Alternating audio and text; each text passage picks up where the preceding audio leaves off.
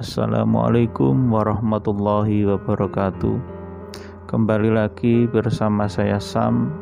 Kali ini saya mau menceritakan sebuah kisah dari Bapak Sadi yang tinggal di suatu desa di kota ujung timur Pulau Jawa. Jadi Pak Sadi ini adalah seorang pensiunan PNS dan kemudian Pak Sadi ini memiliki sepetak sawah yang ada tidak jauh di belakang rumahnya. Rumah Pak Sadi berada di jalan desa yang tentu saja depan rumahnya belum beraspal, jadi masih jalan tanah. Dan Pak Sadi ini pada saat musim kemarau memang biasa mengairi sawah yang tidak jauh di belakang rumahnya itu pada malam hari karena pada saat malam hari menurut Pak Sadi itu air masih banyak tidak dipakai oleh e, penduduk sekitar. Jadi pada saat malam hari air ini kebanyakan mengalir di irigasi dan langsung terbuang begitu saja ke sungai. Sehingga Pak Sadi ini memiliki inisiatif untuk mengairi sawah pada malam hari. Nah, rumah Pak Sadi menghadap ke sebelah selatan. Di depannya ada sebuah jalan yang tidak beraspal, masih makadam. Lebarnya kurang lebih 6 sampai 7 meter. Sebelah kanan kiri rumah Pak Sadi masih berupa pepohonan dan juga semak-semak yang cukup tinggi. Oke, sebelum saya lanjutkan ceritanya, silahkan subscribe dan like untuk Anda mendapatkan notifikasi dari channel TP ini di setiap minggunya. Selamat mendengarkan. Biasanya pada saat sekitar jam 10, jam 11, begitu banyak petani yang lain itu masih tidur, Bapak Sadi ini e, pergi ke sawah dengan harapan bahwa air yang akan ia alirkan ke sawah melalui irigasi itu masih cukup tersedia banyak sehingga pada Malam itu sekitar jam 10 Pak Sadi bergegas ke sawah dengan membawa cangkul dan membawa sebilah sabit.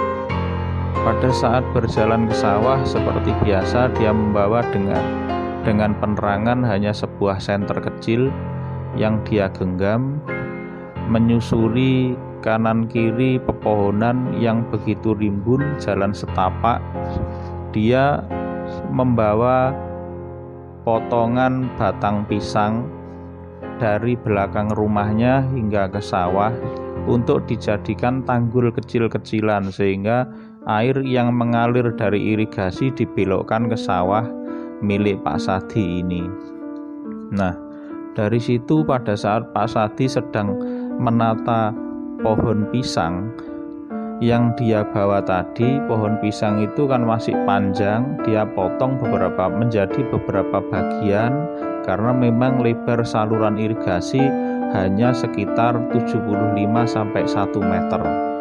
Setelah dia pasang posisi pada saat memasang batang pisang itu tentu saja dengan posisi yang sambil merunduk. Karena pos untuk menutup aliran irigasi yang kira-kira lebarnya sekitar 1 meter dengan kedalaman kurang lebih 70 cm.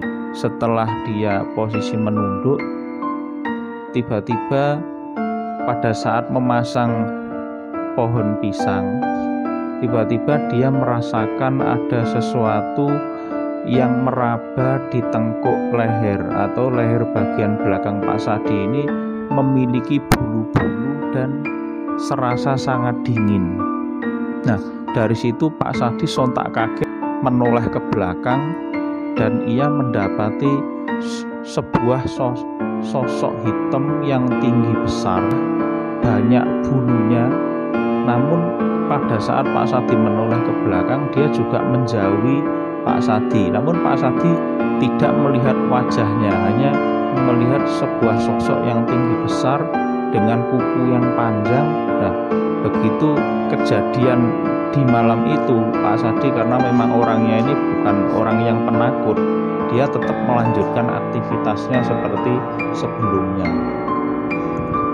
Pada saat melanjutkan aktivitasnya yang kedua dia kembali eh, diraba dari belakang dengan posisi yang sama begitu dia mengalami kejadian yang kedua dia menoleh lagi ke belakang sambil bicara eh kono cok macem-macem ya kono memang wani reneo rasa ganggu. Aku ki kerja. Nah Pak Sadi sempat bilang seperti itu.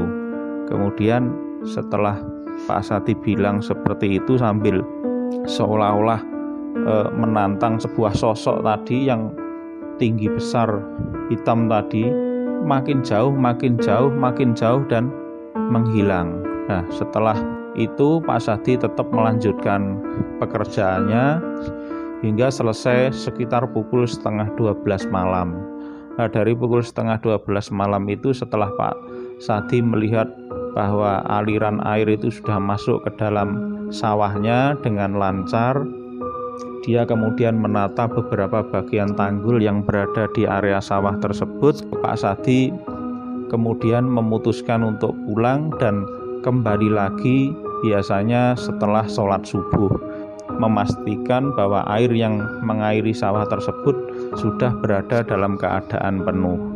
Nah, itu sedikit cerita yang dikisahkan oleh Pak Sadi yang kebetulan berada di sebuah desa yang berada di ujung Pulau Jawa bagian timur. Terima kasih. Assalamualaikum warahmatullahi wabarakatuh. Tak lupa admin ingatkan kembali untuk subscribe and share ke teman-teman Anda semua. Semoga kisah-kisah yang admin bagikan bermanfaat untuk Anda semua dan dapat menemani waktu istirahat Anda. Untuk teman-teman yang akan membagikan sebuah kisah atau ceritanya, silahkan kirim email ke alamat yang sudah admin tulis di deskripsi ya.